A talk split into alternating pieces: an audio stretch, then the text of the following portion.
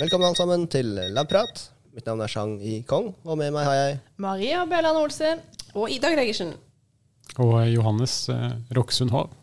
Og vi sender fra Institutt for indremedisinsk forskning ved Oslo universitetssykehus, Rikshospitalet. Og velkommen, Johannes. Du er jo vår første ordentlige gjest. Tusen takk. Eh, Vi kjenner jo deg fra instituttet. Du er jo eh, en av gruppelederne. altså Du, er, du leder din egen forskningsgruppe. Og vi har invitert deg hit i dag eh, fordi vi skal snakke om et tema som du jobber mye med. Men eh, kanskje vi kan eh, be deg om å starte med å introdusere litt eh, din forskning og deg selv? Ja, jeg kan begynne med meg selv. Jeg heter Johannes Hov. Jeg er da um, spesialist i fordøyelsessykdommer, sykdommer, så jeg er lege, overlege på uh, avdelingen her borte som heter seksjonen for gastromedisin. Og så er jeg professor på universitetet. Og så har jeg da kontor og har en forskningsgruppe her på Institutt for indremedisinsk forskning. Og eh, Vi har invitert deg hit fordi vi skal snakke om eh, mikrobiota. Og eh, Til våre lyttere så blir dette en litt annerledes episode. For vi dropper prosjektspalten eh, denne episoden for å ha mest mulig tid med gjesten vår og dette temaet vi skal snakke om. Um, vi har jo så vidt vært innom mikrobiota i tidligere episoder. Uh, stemmer ikke det, Ida? Jo, har vi det? Nei, men jeg har hatt en eureka på det. Stemmer. Den der med Det var noen underernærte barn som Ja, ja, fikk ja. ja, De ikke det? lagde, de, de, bas, de, de lagde et eh, næringsmiddel basert på å kunne gi best mulig mikrobiota. Ja, sant det. Sånn at eh, Ja, så det ble gitt til, eh, til folk i sult, da. For at de skulle ta opp mest mulig av næringen. Ja. Hørte du om det, Johannes? Jeg minnes vagt den studien. Jeg husker ikke detaljene. Jo, så har vi også nevnt en av våre egne publikasjoner som faktisk tar for seg tarmhelse. Stemmer. Du se, Hukommelsen er ikke helt Og, på og den var Johannes med på. Ja. Ja, ikke sant? Men uh, kanskje, kanskje, Johannes, du kan gi oss en liten uh, repetisjon på hva mikrobiota er for noe? Det er jo et uh, ord mange kanskje har hørt om. Ja, Mikrobiota det er jo et ord Det handler om mikrober. så det er jo sånn at Kroppen vår har massevis av overflater, og de er kolonisert med mikrober. Og Da tenker vi ofte på bakterier, men det, eh, og det er massevis av bakterier, f.eks. på huden og i tarmen og andre overflater. Men det er også både virus og sopp på sånne overflater. Så mikrobiotaen er på en måte summen av alle sånne mikrober eller levende organismer mm. på et sånt sted. da. Ja. Har vi eh, sopp i tarmen nå, eller er det mest bakterier? Ja da.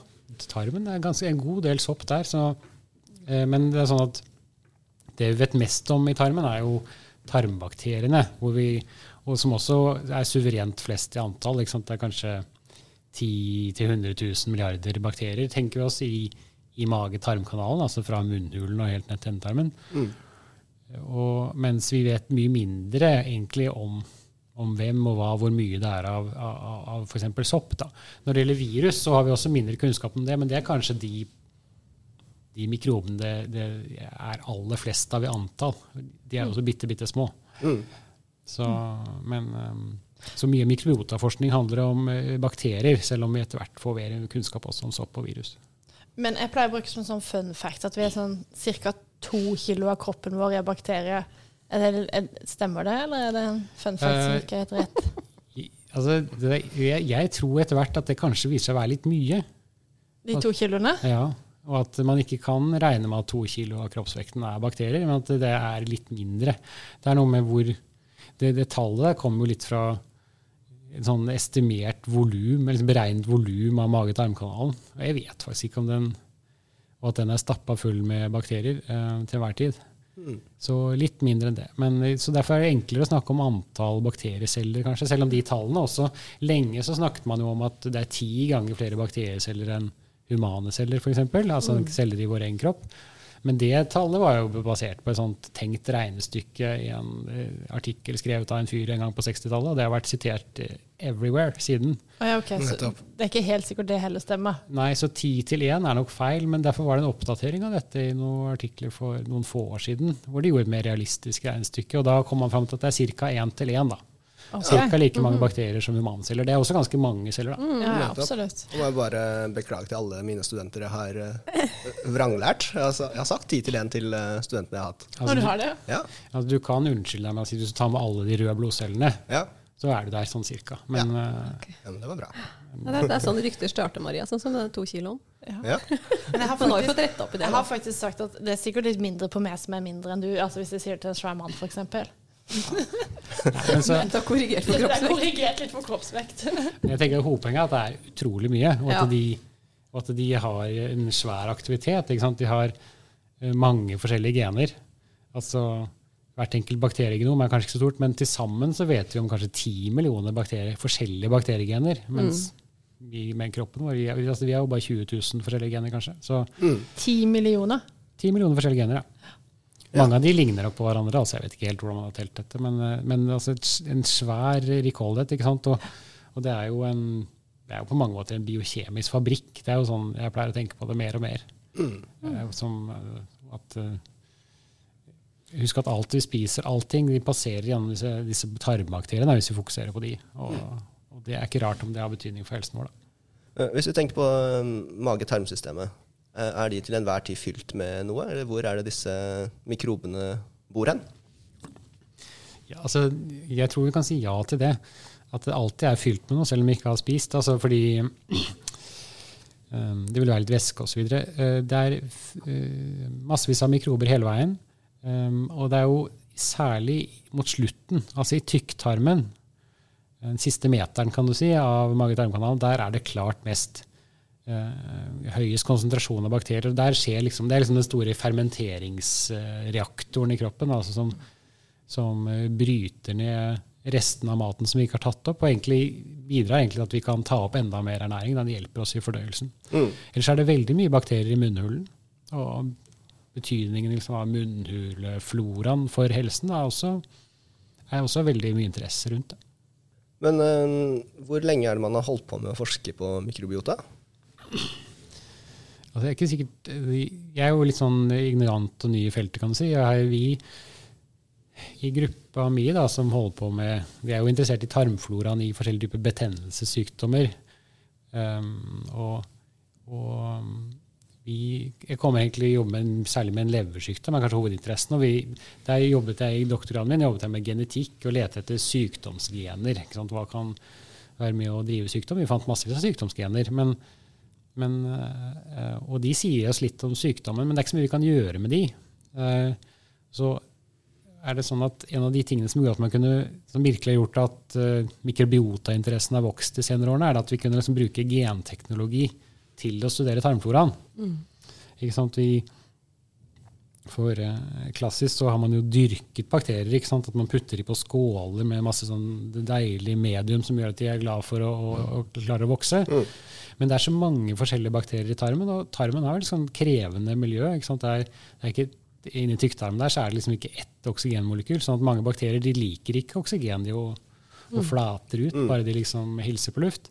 Så det er ikke så lett å få oversikt over eh, bakteriefloraen ved hjelp av dyrkning. Så der var det liksom det å kunne bruke genteknologiske metoder. Og det, det er jo de siste tiårene, altså særlig med disse det man kaller sånn eh, man kalt det på et eller annet tidspunkt, begynte man å kalle det next generation sequencing. det handler egentlig om å kunne se på, utvinne DNA-et fra bakteriene, altså arvestoffet deres, og så kunne lese det, sekvensere det, som vi sier.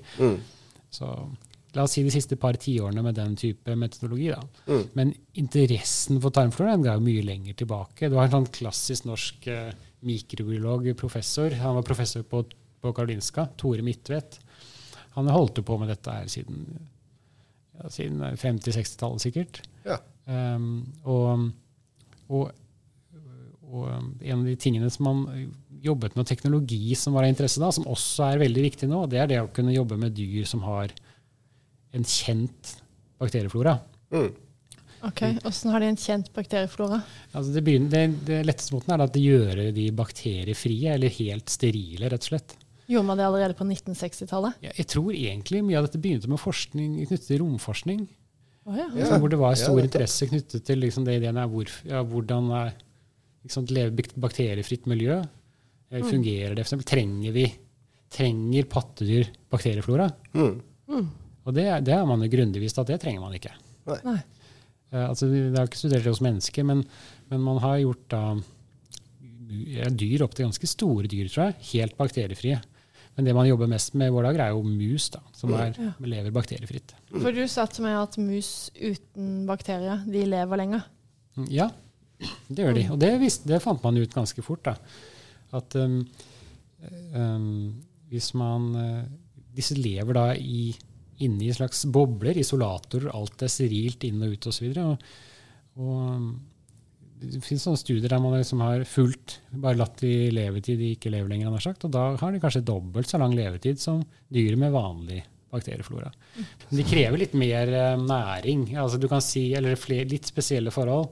De har det bra, og sånn, men du kan tenke deg de er faktisk litt slankere på samme type kost fordi du har ikke den bakteriefloraen som er med å øke, hjelpe til med, med å uten, utvinne energi fra maten.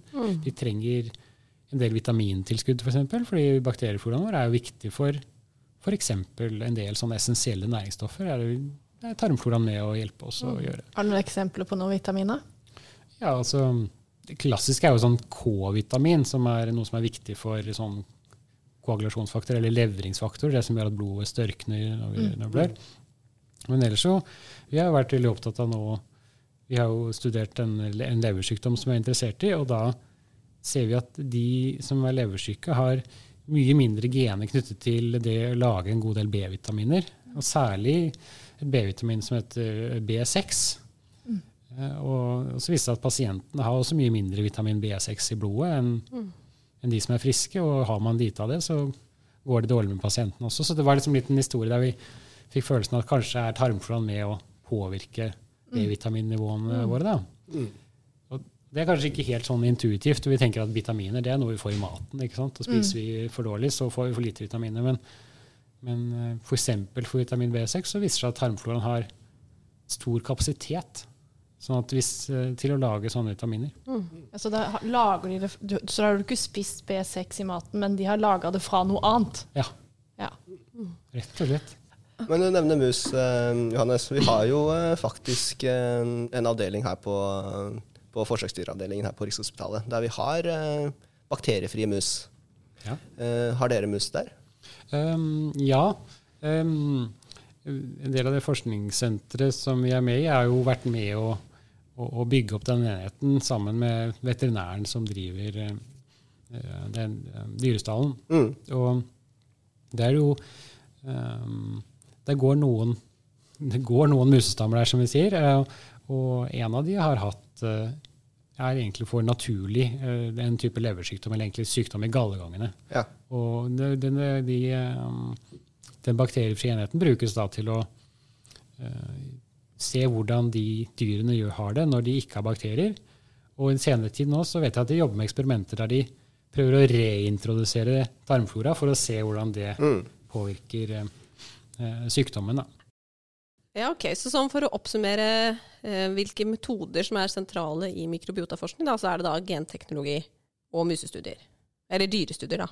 Ja, det er mm. de, de viktigste tingene for å da dels for å finne ut av hvilke bakterier er til stede, eller og eh, sopp for den saks skyld, og for å studere hvilke, eh, hvilke effekter har forskjellig tarmflora i, i dyr. Mm. Eh, Det, det skal sies at det er litt annen teknologi også som er av interesse, og det handler kanskje litt om det der med at det er ja, en biokjemisk fabrikk. At eh, det er mer og mer interesse knyttet til å måle hva de lager. Ja. For at eh, de har massevis av gener, og de genene de kanskje de lager proteiner som er enzymer, altså små kjemiske fabrikker som lager måtte lage stoffer, eller metabolitter, som vi ofte sier. Og Derfor er metoder for å måle sånne metabolitter veldig interessante. Mm. Det er jo sånn at eh, Og det, det tror jeg også er litt sånn spekulasjon, men, men eh, eh, ettersom eh, bakteriene i tarmen vår måtte, behandler og omdanner og møter all maten vi spiser og, og alt vi putter i oss, Mm. så genereres det massevis av produkter og biprodukter, og mye av det tas opp i kroppen. Så man tenker seg kanskje at 10% av alle de molekylene som svømmer rundt i blodet til enhver tid, er mikrobielle. Mm. At det var et mikrobielt enzym da, som var det siste som gjorde noe med dem. Ja, ikke sant. Så det kan man jo da også bruke altså De kan jo da selvfølgelig påvirke Ja, og- helse, eller Ja, sånn det som du sa, vitaminproduksjon. Ja. Ja, utvilsomt. Én ting er ja, liksom vitaminer, men man kan tenke seg at disse påvirker helsen og cellene i kroppen vår på ting som, på måter som vi ikke har noe oversikt over som helst. For de fleste av disse stoffene aner vi jo ikke hva er. Nei. Fordi den type metabolomics, altså biokjemi på den måten, er, er ganske vanskelig. For det er så veldig mange forskjellige molekyler der ute. Mm. Ok. Så hva er det som egentlig påvirker hva slags mikrobiota vi har, da? Eh, ja, det er jo et uh, veldig godt spørsmål, og, og et veldig vanskelig spørsmål som gjør måte, hele feltet litt krevende å holde på med. Mm. Fordi det er um, en av de viktigste observasjonene vi gjør. for at vi, Typisk så har vi lyst til å bruke genteknologi til å få en oversikt over hvilke bakterier er til stede f.eks. i en, en, en avføringsprøve, eller hvilke gener har bakterien som er der. Så ser vi jo det når vi gjør sånne studier, at det er utrolig mye variasjon fra person til person. Sånn Genetisk sett er vi nesten helt like. Mm. Men så kan vi si røftlig er kanskje bare halvparten overlapp eh, fra en person til en annen når det gjelder bakteriefloraen. Og da er spørsmålet hvor, hvorfor er det sånn? Mm. Og, og da er det jo eh, Man vet litt om faktorer som har betydning. Ikke sant? Um, og, og hos, um, og hos voksne for eksempel, så vet vi det at kostholdet er viktig. Og det vet vi særlig fordi store endringer i kosthold vil medføre endringer i, i tarmfloraen. Det har noe med å gjøre med at forskjellige typer mat gjør at forskjellige typer bakterier har, får liksom en nisje eller får en vekstfordel, kan du si. At de trives, på en måte? Ja. Ikke sant? Så Hvis du er vegetarianer og ikke spiser kjøtt, så, så blir det sannsynlig mindre. og Forsvinner kanskje helt ut en del mikrober som, som van, vanligvis har gode evner til å bryte ned animalsk protein, da, for eksempel. Men når vi er inne på dette med å påvirke mikrobiotaen i, i tarm, eh, så er jo to ord som man ser ofte i sånne kostholdbutikker og apotek også, for så vidt. Det er eh, pre- og probiotika. Eh, Hva er forskjellen på, på de, og hva, hva er effekten av dem, egentlig? Ja, det er litt forskjellig. Altså, Hvis vi begynner med probiotika, som kanskje er eh, noe av det som eh, selges eh, mest av, det er jo um, måte, for å si det enkelt, bakteriekulturer. eh, Hvor eh, det da Det trenger ikke bare være bakterier, altså, det finnes også sopp eh, i noen probiotika. eh, Hvor det er mikrober da, som man antar har en helsebringende effekt, som da er dyrket opp i store mengder, og så puttes det i et passende format og selges i butikken. Og da har du det sant, yoghurtlignende produkter som kan være probiotiske. Um, og så har du noen melkeprodukter, ikke sant? Uh, Biola f.eks. Eller så kan du få det i kapsler og forskjellige, forskjellige sånne ting. Og de, det, hva som er effekten av det, er jo um, ikke alltid så godt å si. Det vi vet, er at uh, det er ganske stor forskjell i hvor mye mikrober det er i hver, i hvilken grad de lever. faktisk. Det er jo stor forskjell på kvaliteten av disse. Men ideen er at de skal komme seg ned i tarmen og ha en positiv effekt. Men jeg tror nok, og, og det kan vi nok se at vi, de kommer seg til tarmen. Det er ofte vi kan finne spor av de når vi gjør undersøkelser i tarmfloraen etterpå hos folk som spiser probiotika. Men, men de etablerer seg nok ikke der og liksom blir en varig del av tarmfloraen. Det tror jeg ikke er noe særlig holdepunkt for. Nei. Så er spørsmålet om det liksom har helsebringende effekt. Det, det er et svært tema i seg selv, det skal sies. Men som hovedsak så, så har vi ikke sånne Det er jo ikke tilfeldig at det ikke er så veldig mange probiotika som er på resept, kan du si. Det, um, de er ikke, det er ikke så veldig mange sykdommer det er overbevisende effekter av probiotika. I hvert fall ikke av de probiotikaene vi har nå. Nettopp. Uh, men det kan jo være produkter som potensielt er, kan utvikles. Da. Så vi snakker om neste generasjons probiotika osv. Ja, så probiotika er rett og slett eh, en kapsel eller noe som inneholder mikrober som vi putter i oss, og som vi håper skal kolonisere tarmen og ha en effekt. Ja. Ja. Og du kan tenke litt hva er forskjellen på yoghurt og probiotika. Det kan nok ha litt med mengden å gjøre.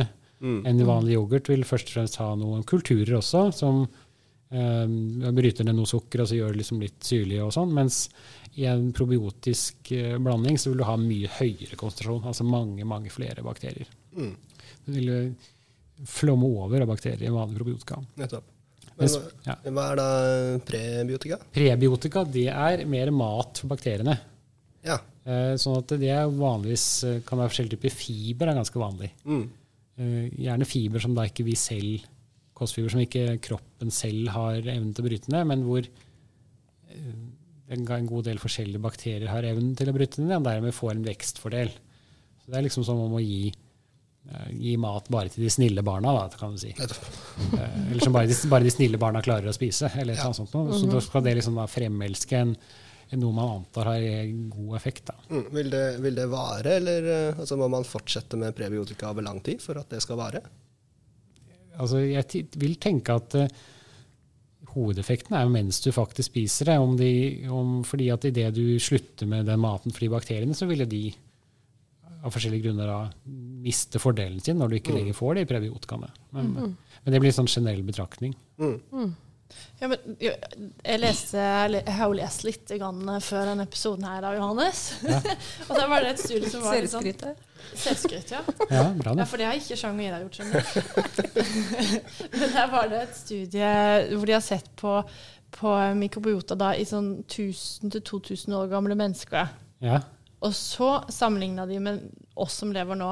Ja. Og for eksempel så da kunne de finne rester av bakterier em, som produserte enzymer som kan bryte ned mm, sånn eh, veggen på, på insekter. Nettopp. Fordi de spiste mye insekter, da. Og, og, og, og litt mer fiber og den typen ting. Mens i dag da var det litt sånn overvekt av bakterier som eh, bryter ned mu- mukus. Eller det der eh, Ja. laget. Kan, kan det her stemme, eller? Ikke det, Ja. Hvordan det endrer seg fordi vi spiser mer sånn diett uten fiber og litt sånn western-diett? Du altså, må det er en forklare litt hva mukus er. Ja, det må jo egentlig Johannes gjøre. Ja. mukus. Altså, jeg er ikke noen stor mukusekspert, men eh, det er jo sånn at utenpå slimhinnene i tarmen da, så er det, sli, er det slett slim, Ja. altså mukus, eh, som eh, dels har beskyttende effekter. Eh, det er, um, har forskjellige typer effekter. Men du kan la oss si sånn som enkelt eh, har litt beskytter noe, i hvert fall. Den slimhinnen de, som er der. Men det fins da også bakterier som ernærer seg av, disse, av denne, dette slimlaget. Men det, det fins eh, svær forskning knyttet til mukus og, og den eh, molekylære strukturen av mukus osv.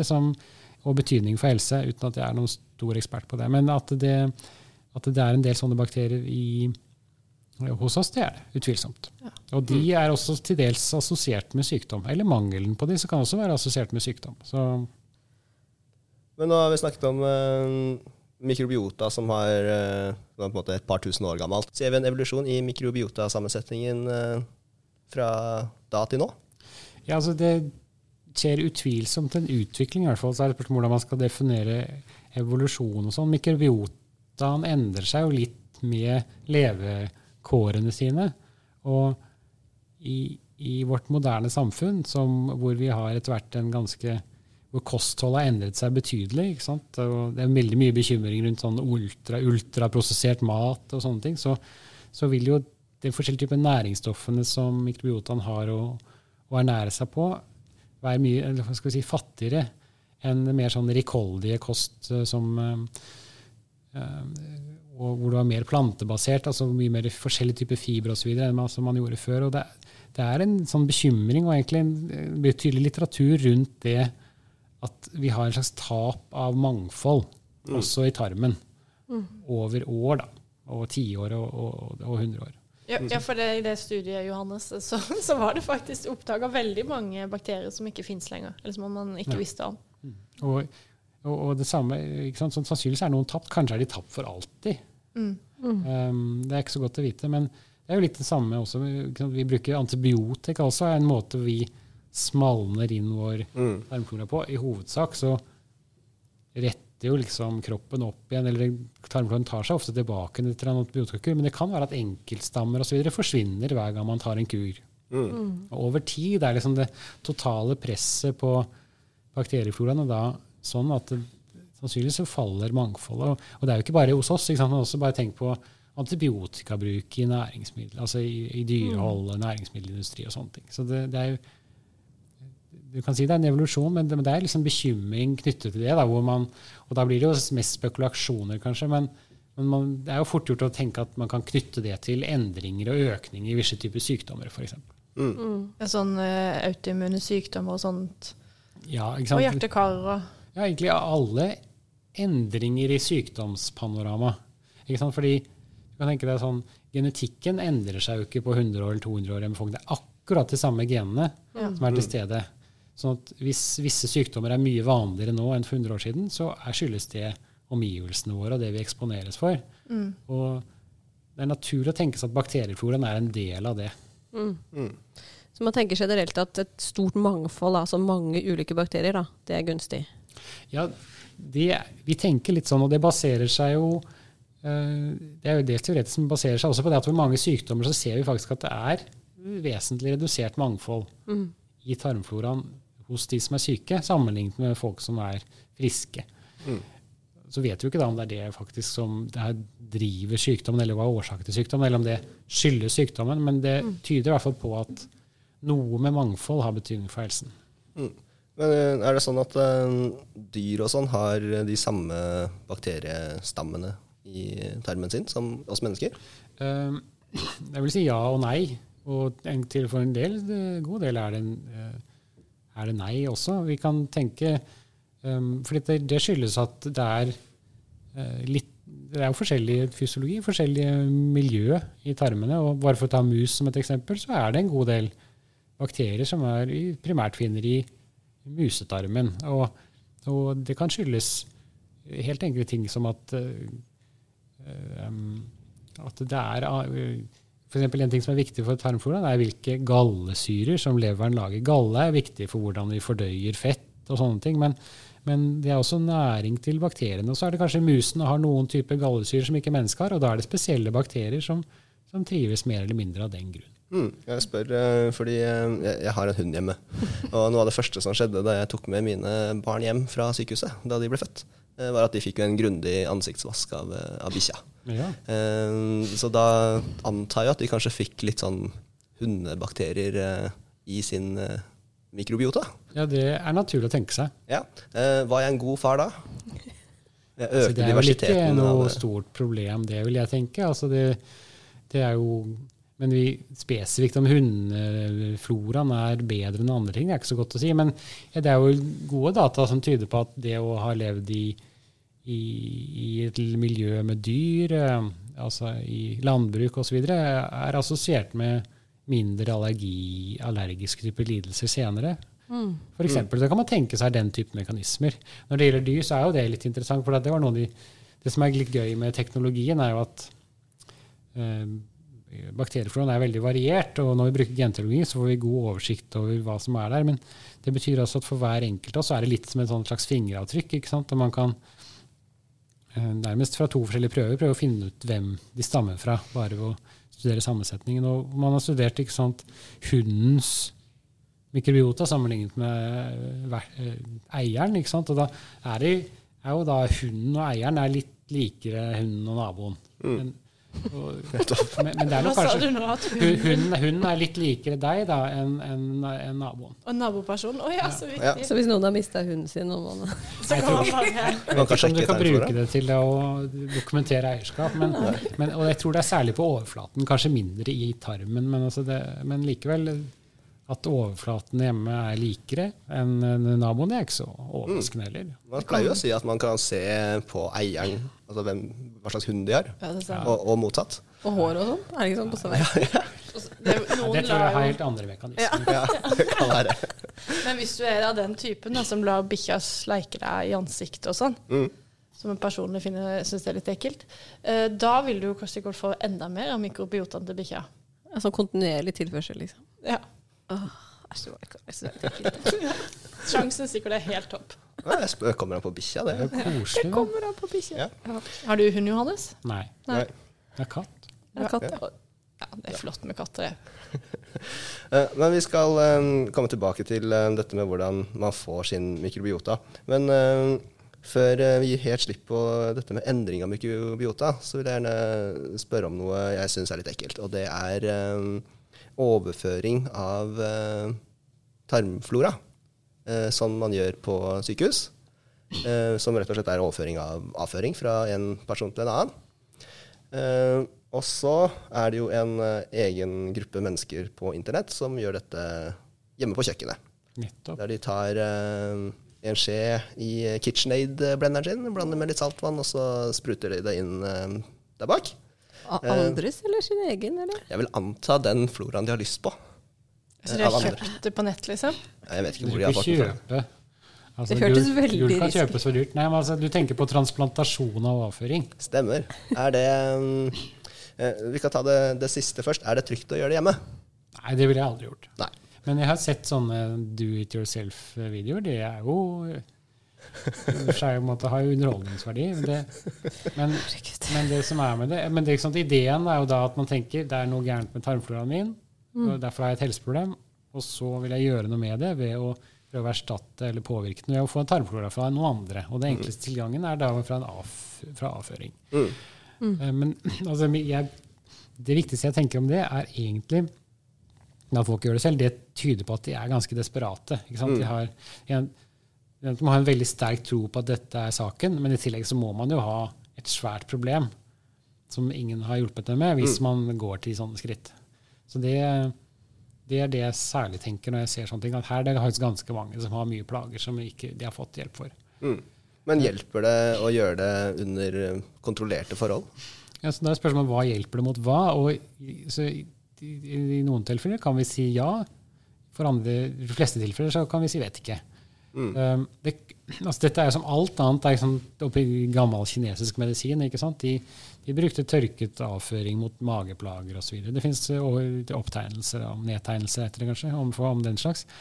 Men i våre dager er liksom den klassiske bruken vært ved noen litt sånn spesiell tarminfeksjon um, av en type bakterier som kalles klostridier. Uh, saken er at um, hvis man får en veldig forstyrrelse i tarmfloraen, særlig ved mye antibiotikabruk, så kan liksom, særlig den ene bakteriestammen kan liksom ta over tarmmiljøet og gjøre det skikkelig utrivelig i tarmen. Du får en kraftig tarmbetennelse. Og denne um, kan gjøre at man blir skikkelig sjuk. Og det vi har å tilby da, tradisjonelt, er jo antibiotika. ikke sant? Enda mer antibiotika. Og det virker til en viss grad, men ganske mange får det tilbake. Mm. Og da har det vært ø altså en gammel tradisjon for å rett og slett sette ned en ny avføring i tarmsystemet, og så klarer det faktisk måte, å skru av da, den nisjen, da, da, da blir den utkonkurrert, denne skadelige bakterien. Og etter hvert så er det gjort veldig gode med sånn ordentlig vitenskapelig kvalitet, studier som viser at dette virker kjempebra. Mm. Så der har du liksom eh, utgangspunktet for det, det som gjøres mest av sånn transplantasjon og avføring. Men så, ettersom man har um, um, den interessen knyttet til om tarmfloraen har betydning for helse, så er man interessert i å se om kan, hvis tarmfloraen har betydning for sykdom, da kanskje skal vi manipulere med tarmfloraen, og så hjelper det på ymse tilstander. Mm. Um, og det man vet mest, er kanskje der det er mest naturlig at det er noe. Altså F.eks. det er noen andre kroniske betennelsestilstander i tarmen som ikke skyldes en infeksjon med en bakterie, men som skyldes på en eller annen måte en immunologisk eh, drevet betennelse i tarmen. Og det er f.eks. ulcerøs kolitt. Og der er det gjort også gode studier med behandling med tarmflora. Da, hvor man setter ned avføring da, fra friske givere. Enten så kan man gå gjennom med slange ned gjennom munnen og ned forbi magesekken og sette det øverst i tynntarmen, eller man går inn nedenfra via endetarmen og setter inn der. Og det er ganske gode holdepunkter for at i hvert fall en del har god effekt av det. Noen kan bli faktisk liksom helt få i hvert fall i perioder helt friske igjen. Men hvor ofte må man da gjøre det? Nei, Det er et godt spørsmål. Vi er helt, dette er feltet hvor vi skraper helt på overflaten. Men, men du kan si, la oss si 20-30 kan ha god respons på det. Og eh, det er sannsynlig at man må gjenta, i hvert fall ganske mange må gjenta behandlingen. Noen av de største, kraftigste studiene har sagt, har først gjort det én gang med sånn slangen nedenfra, og deretter har man fått sånn hjemmeklystier som man har satt ukentlig for eksempel, hjemme i åtte uker. Og da er det ganske mange som har hatt effekt av det. Ja. Så, men, um, men det er, eh, som du sier, hvor, lenge varer det? Det er jo sånn at du har en tarmflora som det liksom er litt kvalitet på, kan du si. Ikke den der ene med disse klostridiene, men en litt noenlunde stabil eh, flora. Selv om du har en sykdom, så er den liksom litt motstandsdyktig eh, mot, uh, mot endring. Mm. Så Sånn. det vil liksom komme tilbake til sin Ja, jeg sy- set, set point, på en måte? Ja, Ja. ja. Det er noen litt fascinerende studier på det. Man har det er liksom et sånt vindu nå når man prøver dette på litt, litt rusk og rask, kan jeg ha sagt, litt forskjellig. Og et sånn klassisk um, studie er fra Amsterdam. Den går, den går jo snart ti år tilbake siden de gjorde det. hvor de såkalte Fat Loose Trial, hvor de hadde lyst til å transplantere avføring fra slanke personer til overvektige personer.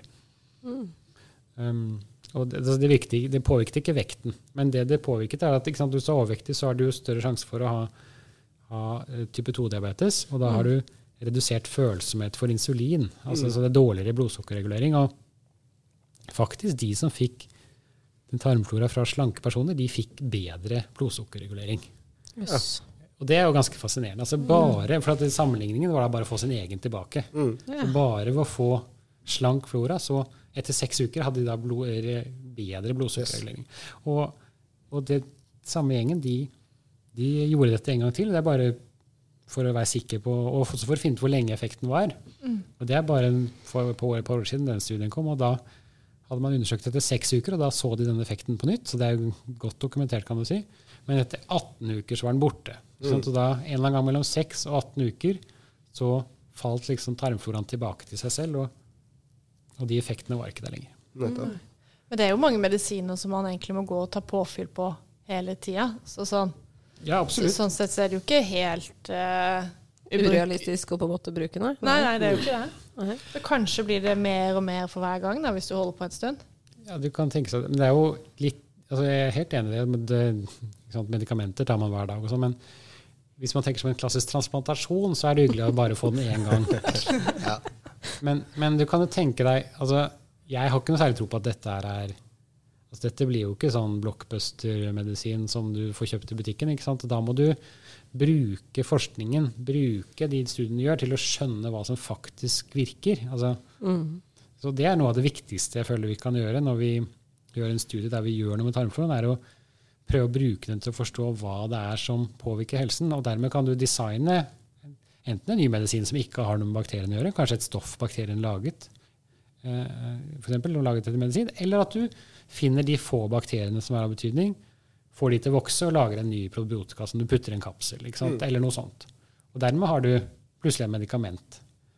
Mens, eh, så, og der er vi nok mange steder, for dette testes ut i hauger av tilstander. Jeg så akkurat nå en sånn, liten sånn rapport, europeisk rapport om, om bruken av sånn transplantasjon og avføring i Europa. Og da er det jo sånn at det brukes ganske mange steder, en god del, og over halvparten av behandlingene som gis, er for denne klostridieinfeksjonen. Mm. Men ganske mange behandlinger gis også for eksperimentelle indikasjoner, som vi sier, altså i form av studier der man tester ut om det virker for ja, være sånn, sånn ulcerøs kolitt, eller for type 2-diabetes, eller for ja, ymse forskjellige tilstander. Eh, og sånne studier går her også.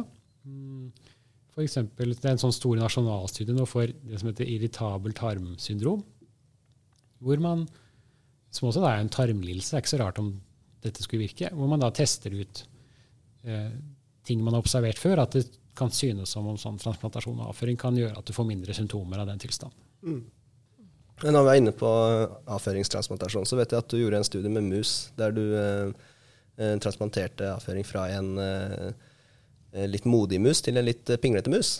Og så endret det atferden på den eh, pinglemusa. Altså, jeg må nødt til å korrigere deg. Det er dessverre ikke jeg som gjorde det. Nei, det var ikke det. Men du har presentert den veldig mange ganger, så jeg bare assosierer den med deg. Ja, det skjønner jeg. Eh, at det er jo liksom, det er jo, eh, når jeg skal snakke om dette feltet, så liker jeg å prøve å vise fram noen ting som sier noe om at dette her har faktisk en, en, liksom, eh, en potent effekt.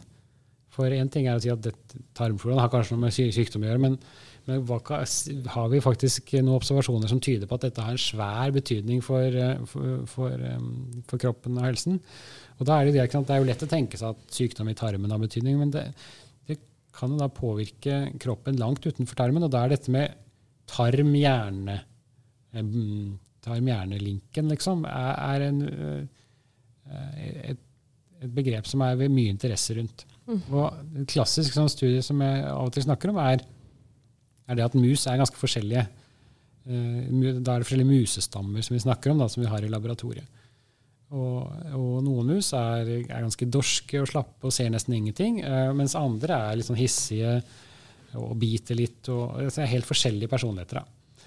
Eh, og så ble- gjorde en sånn studie hvor de da eh, byttet tarmflora mellom dyrestammer som var eh, dorske og late, og de som var liksom hissige på grøten.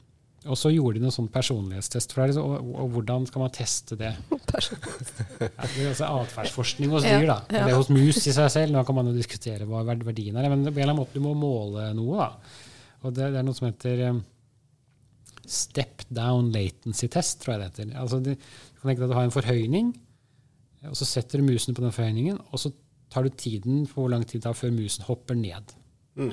Og hva er det mål for? Er det, er det angst, eller er det nysgjerrighet, eller er det liksom et eller annet? At det er tiltak i de, da. Ja, tiltak. For eksempel et tiltak. Ja. Så da, de dorske musene brukte i utgangspunktet kanskje fem minutter, Mm. og så hadde de kjappe musene 20 sekunder. Og så, når de da byttet tarmflora på disse musene, så, så brukte de kjappe musene brukte plutselig tre ganger så lang tid, og kanskje brukte ett minutt i gjennomsnitt.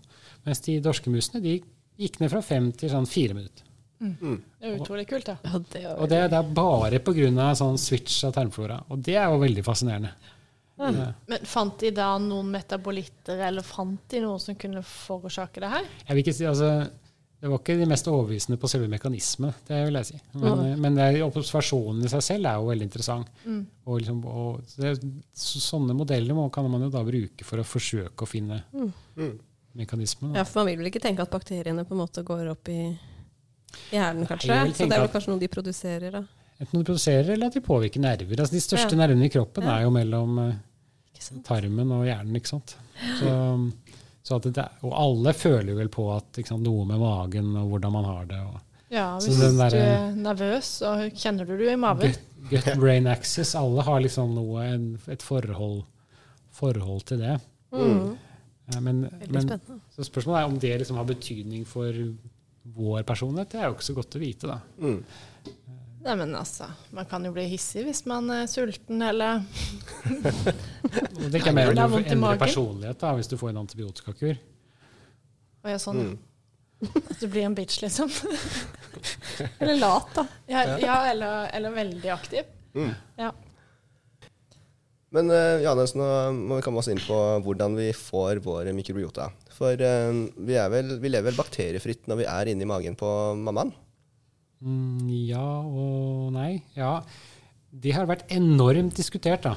Er, det, er vi sterile inni der, eller er vi ikke? ikke sant? Og så har vi da nye metoder som er veldig følsomme, som kan påfinne mikrober. ikke sant? Og så har det vært en teori om at kanskje er det litt kolonisering inni der likevel. Men så er det faktisk, det er et av de store problemene vil jeg si her, er at jo, jo færre måte, mikrober det faktisk er i de prøvene du undersøker, jo mer sjanse er det for at det du finner i laboratoriet, bare er kontaminering fra, fra Mm. omgivelsene rundt. Det er Ja. Fordi sant, alt vi har i laben, eh, reagenser og alt mulig rart, har også spor av mikrober. Mm. Og de der genetiske metodene de er veldig følsomme, så de er ikke, de er ikke beregnet for å bevise at noe er bakteriefritt. for å si det sånn. sånn at jeg heller litt mot at det er ganske sterilt inni der, altså. Men det det avhenger litt av hvem du vil tro på, da. Mm. Um, men uh, um, også om det har noen betydning Tja, det er ikke så godt å si. Uh, men, men selve det med kontaminering er faktisk et viktig metodologisk problem. Og vi jobber jo også med andre materialer. Vi jobber ikke bare med avføringsprøver. Vi jobber med, kanskje med dette med slimhinner. Der er det ganske mye bakterier på overflaten, så, så det er heller ikke så gærent. Men hvis du liksom jobber med kroppsvæske hvor det kanskje bare er litt grann bakterier, da. f.eks. vi prøver å finne bakterier i blod, rett og slett. Mm. Da må du plutselig ha metoder og i hvert fall være god på å sortere ut hva som er sant, og hva som er kontaminering. Og da vet vi f.eks. at det er noen bakterier som pleier å være i, i reagenser.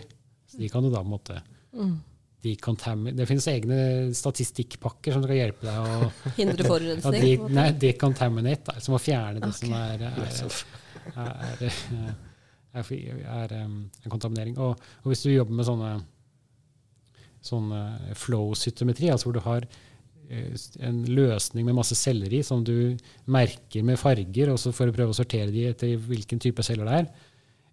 Hvis, vi har også brukt, eh, prøvd å sortere bakterier i sånne maskiner, og da går de i en sånn løsning inni maskinen, og da er det stappa fullt med bakterier. Mm. Pseudomonas og andre sånne ugne bakterier. Sånn at det, det, det, jo mer du prøver å undersøke, jo mer problemer får du av den typen. Da. Mm. Men da har vi snakket oss langt unna det med fødsel. det som skjer da når du blir født, uavhengig av hva som er inni der, er at da blir du jo, da blir du jo um, kolonisert. Mm. Og den klassiske måten å bli kolonisert på er jo å bli skvist gjennom uh, skjeden, ikke sant? Eh, I en det vi kaller en vanlig vaginal fødsel. Og da blir jo babyen kolonisert overalt med sånn bakterieflora som er i, i skjeden. Mm. Og den, eh, den mister man jo hvis man blir forløst ved keisersnitt. Ja, altså Hvis du blir forløst med keisersnitt, da debuterer man med hudflora overalt. Også i tarmen. Mm. Um, og dette er det jo mye snakk om. Om dette har betydning for, for helsen der og da, og helsen senere. Mm. Denne skjedefloraen har sannsynligvis nyttig sammensetning med tanke på, på hva, du, hva du har behov for den første tiden. Men det er vanskelig å bevise da, nøyaktig om det er hva, betydningen for det og senere helse. Men det vi vet litt om, er jo hvordan det går for de eh, altså om det å vært tatt med keisersnitt, f.eks., om de har for mer av visse typer sykdommer når du blir større. Mm. Allergiske lidelser, astma og den type ting. Og det er det kanskje litt, hint, litt tegn til, men det er fortsatt det er såpass mange år fra du begynte til du kom dit, at det er liksom vanskelig å være helt sikker på at det er det som er effekten. Mm, Ok, Så man er ikke sikker på det?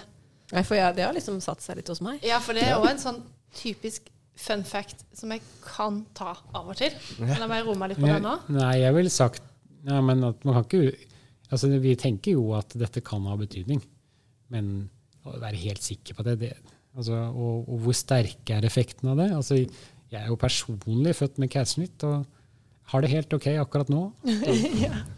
Det beviser da dessverre ingenting. Har, har du sjekka din egen eh, tarmflora her, eller? Um, jeg vil si ja og nei. Det kan nok være at jeg har vært involvert i noe sånn uttesting av eh, metoder. Da er det jo veldig nyttig å bruke egne produkter. Det er ikke sånn at du har stått og Men vi, vi hadde ikke noen, eh, ikke sant? det ble ikke gjort som noe forskningsprosjekt, så jeg tror ikke det ble merket på en måte så vi kunne føre det tilbake. Men det var en i gruppa som skilte seg veldig ut. Altså. Ok, men, men jeg har ikke sjekka hvem i gruppa det var? Nei, jeg, jeg skyldte på han som spiste så mye Nugatti. Ja, men det er en ting jeg, for sånn som du sier da, Har du sjekka mikrobiotaen din? Hva kunne man egentlig sjekka det opp mot? Har man en sånn gullstandard? Du, det er jo dagens beste spørsmål. Nei. Nei, ikke sant? Så det er ikke noe sånn optimal mikrobiota. Det, det finnes ikke. Nei, ikke sant? Det, nei, det vet det, det har vi ikke klart å bli enige om, og det er stor variasjon. Men derimot det jo vel, er det jo veldig mye brukt begreper som sier om at um, man har en tarmflora som er ugunstig. For eksempel dysbiosebegrepet har kanskje mange brukt. Ikke sant? Dysbiose, det høres ut som liksom at det er et eller annet som ikke er helt eh, helsebringende, en sammensetning av bakteriefloraen som ikke er bra.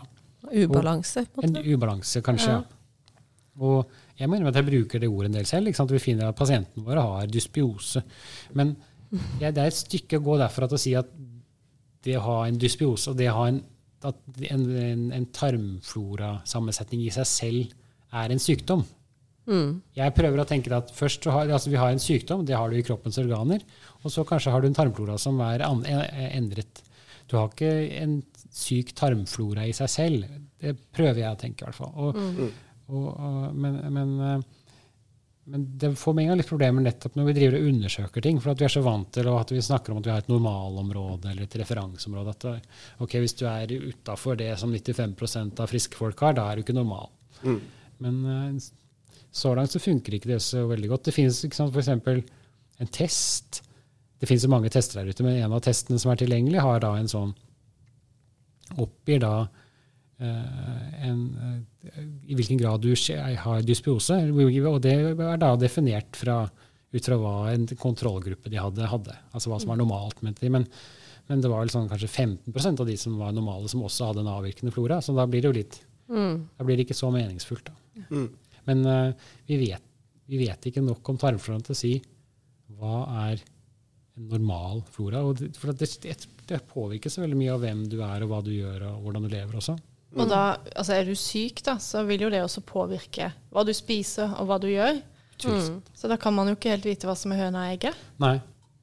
Det, det, sånn er det utvilsomt. Det, altså, det, det er jo det andre. ikke sant? Eh, Vi vet ikke om de endringene vi ser, om de skyldes sykdom eller, eller forårsaket sykdommen. Jeg tenker litt sånn og det, eller at likevel så kan, selv om du har blitt syk, og så har du en tarmflora som er forskjellig, så er ikke sikkert den tarmfloraen var det som ga deg sykdommen, men likevel kan den status for tarmfloraen din til enhver tid være med å påvirke helsen din.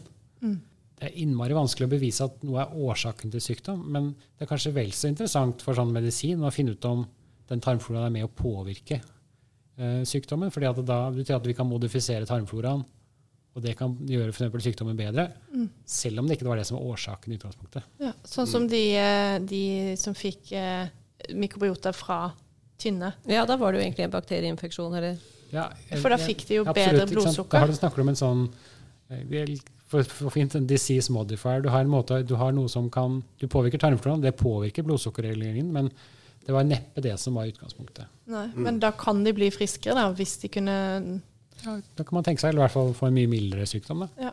Det er jo ofte sånn når vi behandler, så er det jo ikke alltid at vi går direkte til årsaken. Nei, eller at vi Nei. vet årsaken, nei. Nei. Vi bare gir et medikament, og så blir de bedre likevel. Mm. Derfor er jeg ikke så bekymret for årsak- og virkningsproblemstillingen. Men det er jo viktig å, å gjøre forskning på en slik måte at man kan finne ut om en forandring av tarmfloraen faktisk virker på sykdommen. Da. Men hvor, eh, hvor stort vindu etter at man blir eh, forløst med keisersnitt, eller fra man blir født, har man til å etablere sin eh, mikrobiota? For det er, det er jo noen land der keisersnitt er mer vanlig i Norge, der man bedriver med noe som heter vaginal døping. Altså man smører babyen inn med, med sekret da, fra, fra mor, i et håp om å mm, introdusere den tarmfloraen fra fødselskanalen. Hvor, eller, har det noe innvirkning på tarmfloraen?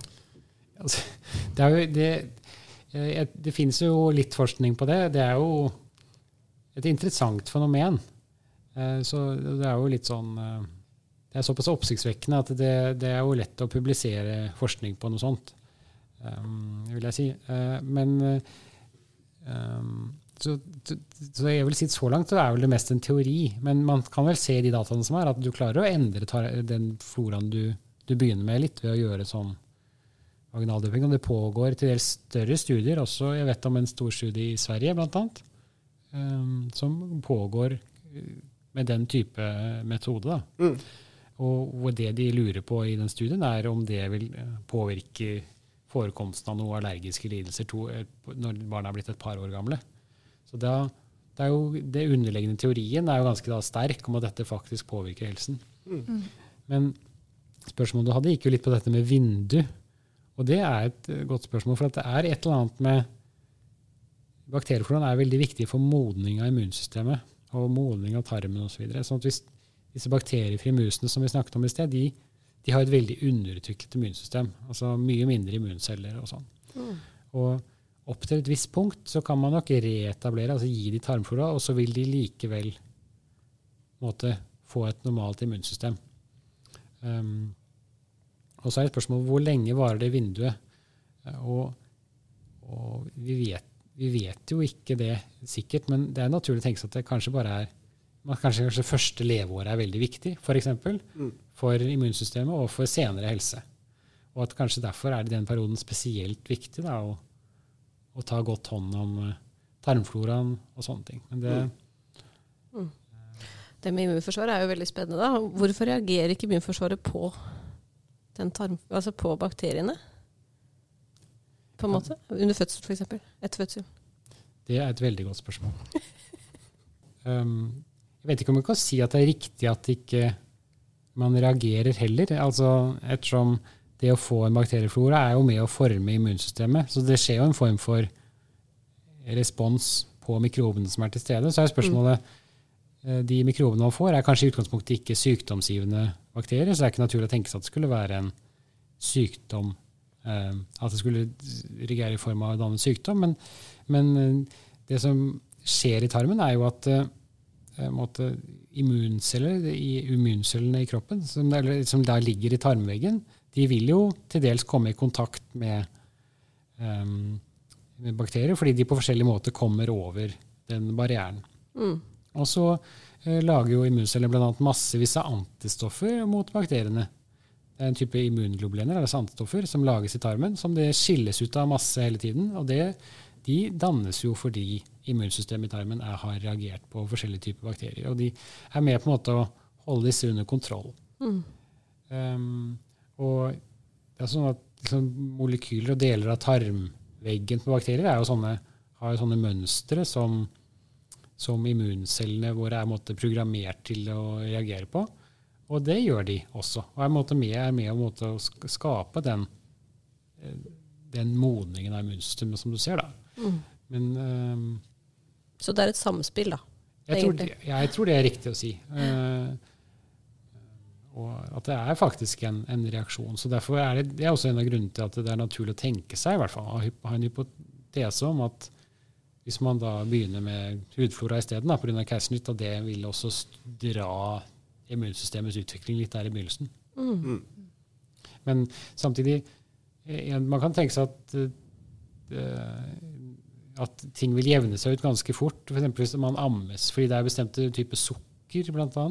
Melkesukker i brystmelk, som er med å fremelske visse typer bakterier. sånn at du kan si at du kan fort tenke deg at, eh, at det er ikke så stor forskjell mellom vaginalfødsel og keisersnitt dersom man blir rammet lenge nok, f.eks.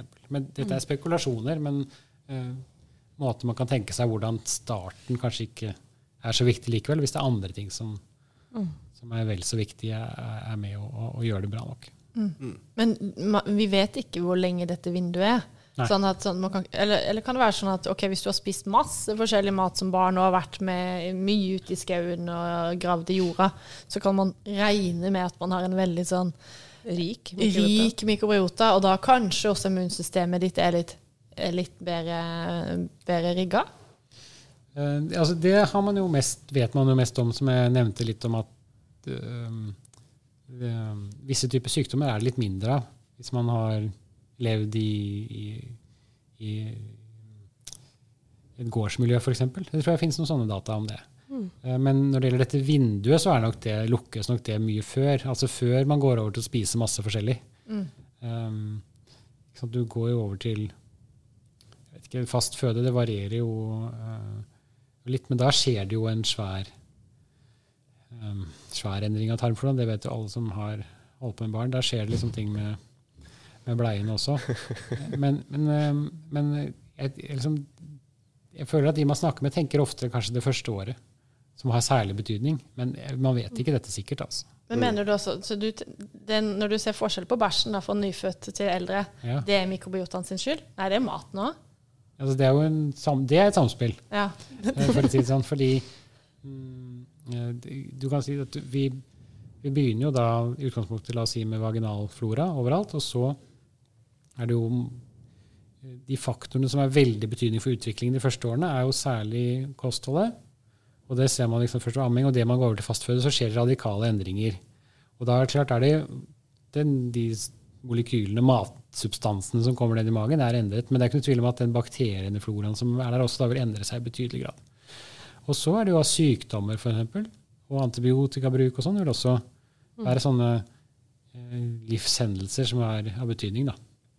Um, og så, eh, etter hvert som man blir noen år gammel, ikke så altfor mange, altså fortsatt eh, kanskje før man har begynt på barneskolen, så begynner liksom floraen å ligne en god del mer på voksenflora, selv om det stadig er en utvikling.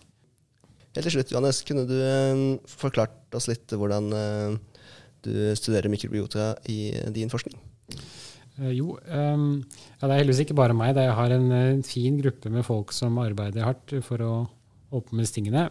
Vi er jo mm, Det vi har gjort gjennom de årene vi har holdt på med dette, er at vi har uh, satt opp en del metoder for hvordan vi kan undersøke tarmfloraen. Så jeg vil særlig bruke sånn sekvenseringsmetoder eller genteknologi, som vi snakket om først, sånn at vi kan undersøke f.eks. tarmfloraen i en avføringsprøve eller i noen eh, vevsprøver fra tarmslimhinnen f.eks.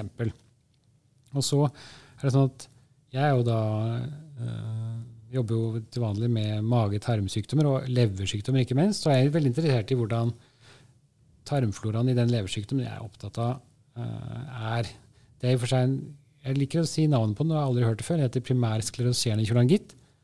Det er en sykdom som rammer gallegangene, eh, som blir trange. Og gallegangene er egentlig leverens rørsystem. Leveren skal skille ut gallet ut i tarmen. og dette her skaper betennelse i, i disse gallegangene, og så blir de trange. Og så får de rett og slett problemer pga. rørleggerproblemer. Det som er at disse pasientene de har veldig ofte betennelse i tarmen. og Det er liksom derfor vi tror at dette er en sykdom som i liksom den eh, aksen mellom tarmen og leveren. For alt blodet fra tarmen går jo faktisk først til leveren. Så det er naturlig å tenke seg at det er noe som foregår der. Så Derfor har vi studert tarmfloraen til våre pasienter. Og den er definitivt annerledes enn fris, hos eh, friske personer. Så er spørsmålet um, hva betyr det? Vi ser f.eks. også at det er redusert mangfold hos pasientene sammenlignet med de friske. Så har vi da prøvd å gå videre. Da studerer vi ikke bare hvilke bakterier som er der, men absolutt alle gener disse bakteriene har. Og da kan vi få en, en oversikt over hvilke funksjoner bakteriefloraen har. Og det har liksom vært veldig interessant. Og det var der vi fant disse tingene med, med vitamin B6. At vi fant bl.a. at nøkkelgener for viktige enzymer for visse B-vitaminer var da endret hos våre pasienter. Og da er vi da interessert i å studere det i blod. Er det faktisk tegn til at de har en reell mangel? Og neste skritt for oss er egentlig å gjøre en, en liten behandlingsstudie for å se dels se om det påvirker leversykdom, og dels se hvordan vi da kan kartlegge hvilke, om, om, det faktisk er tarmfloraen som påvirker B-vitamin hos disse pasientene. Um, så det er liksom én måte at vi leter i tarmfloraen etter endrede funksjoner. Alternativet er liksom å studere og lete etter om er det spor om vi leter rett og slett i blodet etter, etter spor, sånne metabolitter, biprodukter fra bakterienes aktivitet. Og deretter se om de er forskjellige og syke og friske. og det har vi f.eks. gjort i noe, i noe, hjertesykdom, i hjertesvikt f.eks. Hvor vi eh, har særlig studert en, et, sånt, et, sånt, molekyl som vi kaller TMAO, som viser seg å være høyere ved hjertesvikt enn hos friske personer. Også eh, de som har mye av den, de, litt, de går det litt dårligere med. Det er litt mer alvorlig sykdom.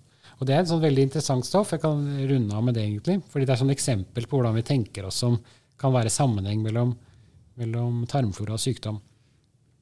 At, uh, det, det, var egentlig utgangspunktet en amerikansk gruppe som lette etter nye sånne molekyler man kan måle i, blod, som mål på sykdom. For at det er nyttige biomarkører, kaller vi det. For å finne ut, kan være for å hjelpe oss å stille en diagnose, eller for å finne ut av hvem vi må behandle ekstra godt fordi de har mer alvorlig sykdom. Og Så fant jeg dette stoffet her, som heter TMAO. og Det som er interessant med det, er at det viser seg at det lages riktignok i leveren, men for å kunne lage det, så trenger leveren et stoff som bare lages av tarmbakterier. Det betyr at uh, dette stoffet har du ikke hvis ikke du har de tarmbakteriene som lager det. Og så, Det som er, gjorde det enda mer interessant, er at tarmbakteriene bruker ganske vanlige næringsstoffer fra visse typer mat, sånn som rødt kjøtt og, og egg og ost osv., til å lage dette stoffet. Så du får med andre ord bare dette hvis du spiser den maten, og du har de mikrobene som lager det, den for, forløperen til stoffet, og så at leveren lager TMAO. Mm. Så, og dermed eh, og til slutt så gjorde de, den forskningen det de gjorde til slutt, var å gi dette stoffet til mus, og så utviklet de mer åreforkalkninger i disse her musene. Så plutselig hadde du da en link hvor du liksom har en slags eh, samvirke da, mellom hva du spiser, og hvilke bakterier du har, og et eller annet biprodukt av det som faktisk du kan bruke til å måle sykdom, men også være med å drive sykdom. Og sånn kan man tenke seg at veldig mange sykdommer utenfor tarmen eh, kan faktisk påvirkes av tarmfloraen. Så det er liksom en sånn virkelig sånn, Det var en eye-opener, som vi gjerne kaller det, i dette feltet her, mm. i, i, hvordan tarmfloren kan være med å påvirke helsen. Kanskje har hver sykdom sin sånn metabolitt, da, kan man tenke seg. Mm. Veldig spennende. Men er det litt irriterende at altså, hadde folk bare spist litt sunnere, så hadde vi ikke fått alle de sykdommene?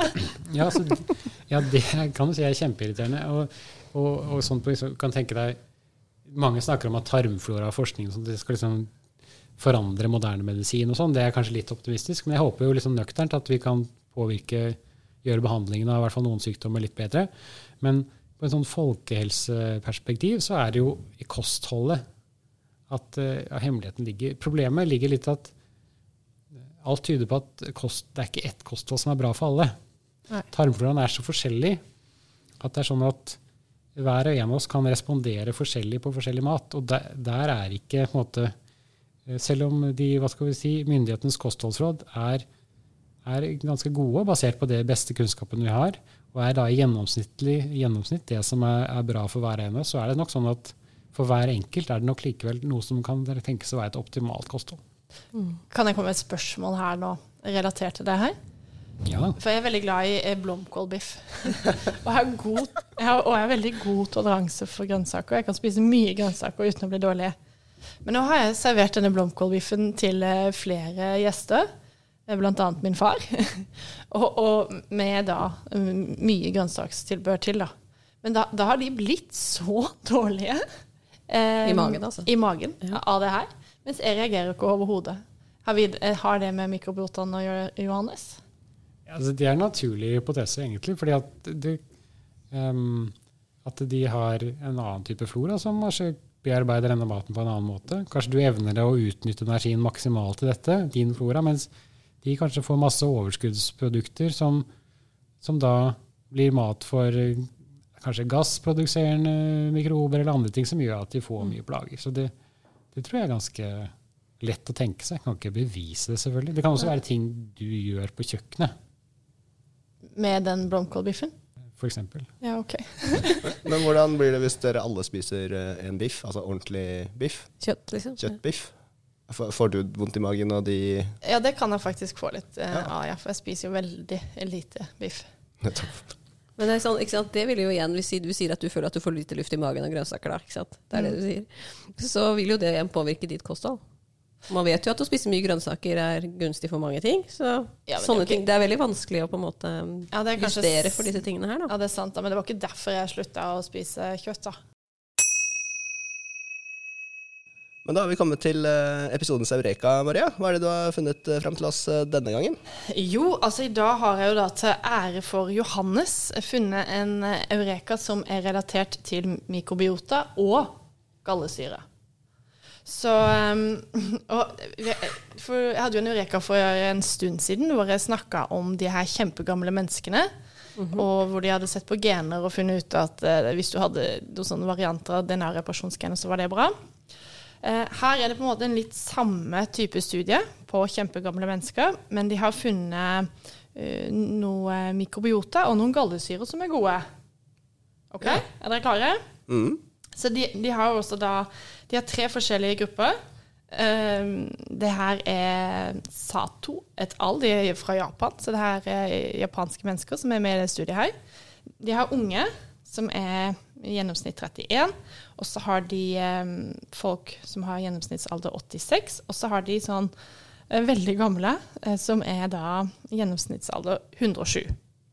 Og så har de sjekka mikrobiotaen. Og så har de også sjekka gallesyren deres. Så du har jo fortalt, eh, Johannes, om de her gallesyrene, for de blir jo produsert av leveren. Og så går de ned til tynntarmen, og der møter de en haug med bakterier som kan gjøre litt endringer på dem. Og så går de tilbake igjen og gjør litt forskjellige ting og tang. Og det de da fant ut i de her veldig gamle menneskene, som da har levd godt og lenge, er at de har en spesiell type bakterie som har et enzym som kan gjøre om en, galles, eh, en gallesyre, sånn at den får en veldig fin egenskap. Og den egenskapen til eh, denne gallesyren er at den hemmer en bakterie som du har snakka om i dag, Johannes. Den hemmer den clostridium-bakterien. Hemmer veksten av den. Så de, de gamle de hadde veldig mye mindre av denne klostridium-bakterien fordi de hadde denne odorobacteriaceae. Har du hørt om den? Denne bakterien? Mm, Ja. Ah, du har det. Kan du si hva den egentlig heter? Odorobakteriase. Ja, det var den. Det var ikke så langt unna det. Altså, du har hørt om den? Og så hadde de et, et ens, Nei, de lager en gallsyre som heter Isoala LCA. Den har du ikke hørt om? Isoalo, helse hva tenker du på? Ja. Det var den jeg tenkte på. Ok, Så for å konkludere her da på den eh, studien, så de som blir innmari gamle, de har en litt spesiell eh, mikrobiota, som kanskje kan være helsefrembringende. Og her klarte de å finne fram til én spesiell bakterie som gjorde noen sånne forandringer på en gallesyre, som igjen gjorde at denne gallesyren var beskyttende fordi den drev og kasta ut den klostridiumbakterien. clostridium-bakterien. Og da fikk de da Det var jo denne bakterien som var så dum, for den gir deg kraftig betennelse og kan gi diaré og sånne ting. Så den kan gi store helseproblemer. Veldig morsom uh, røyka, Maria. Eh, Det sier du hver gang, Skjær! Jeg ble like overraska, er det du mener? Men, tusen tusen takk, Maria, og Ja. tusen tusen takk til deg, Johannes, for at du har tatt deg tid til å snakke med oss i dag. Vi kunne sikkert sittet sitte her i flere timer til, men det har kanskje ikke lytterne våre tid til. Eller du. Eller du. Eller Johannes. Ja, takk for at vi kom. Og eh, vi skal vel eh, på laben eh, til neste gang. Og eh, vi må bare minne våre lyttere om at de må følge oss på sosiale medier. Ja, veldig gjerne gjør det. På Instagram, Facebook og Twitter. Og så er det veldig hyggelig hvis dere gir oss en rangering eh, der dere hører på denne podkasten. Så inntil neste gang så høres vi. Ha det! Ha det godt.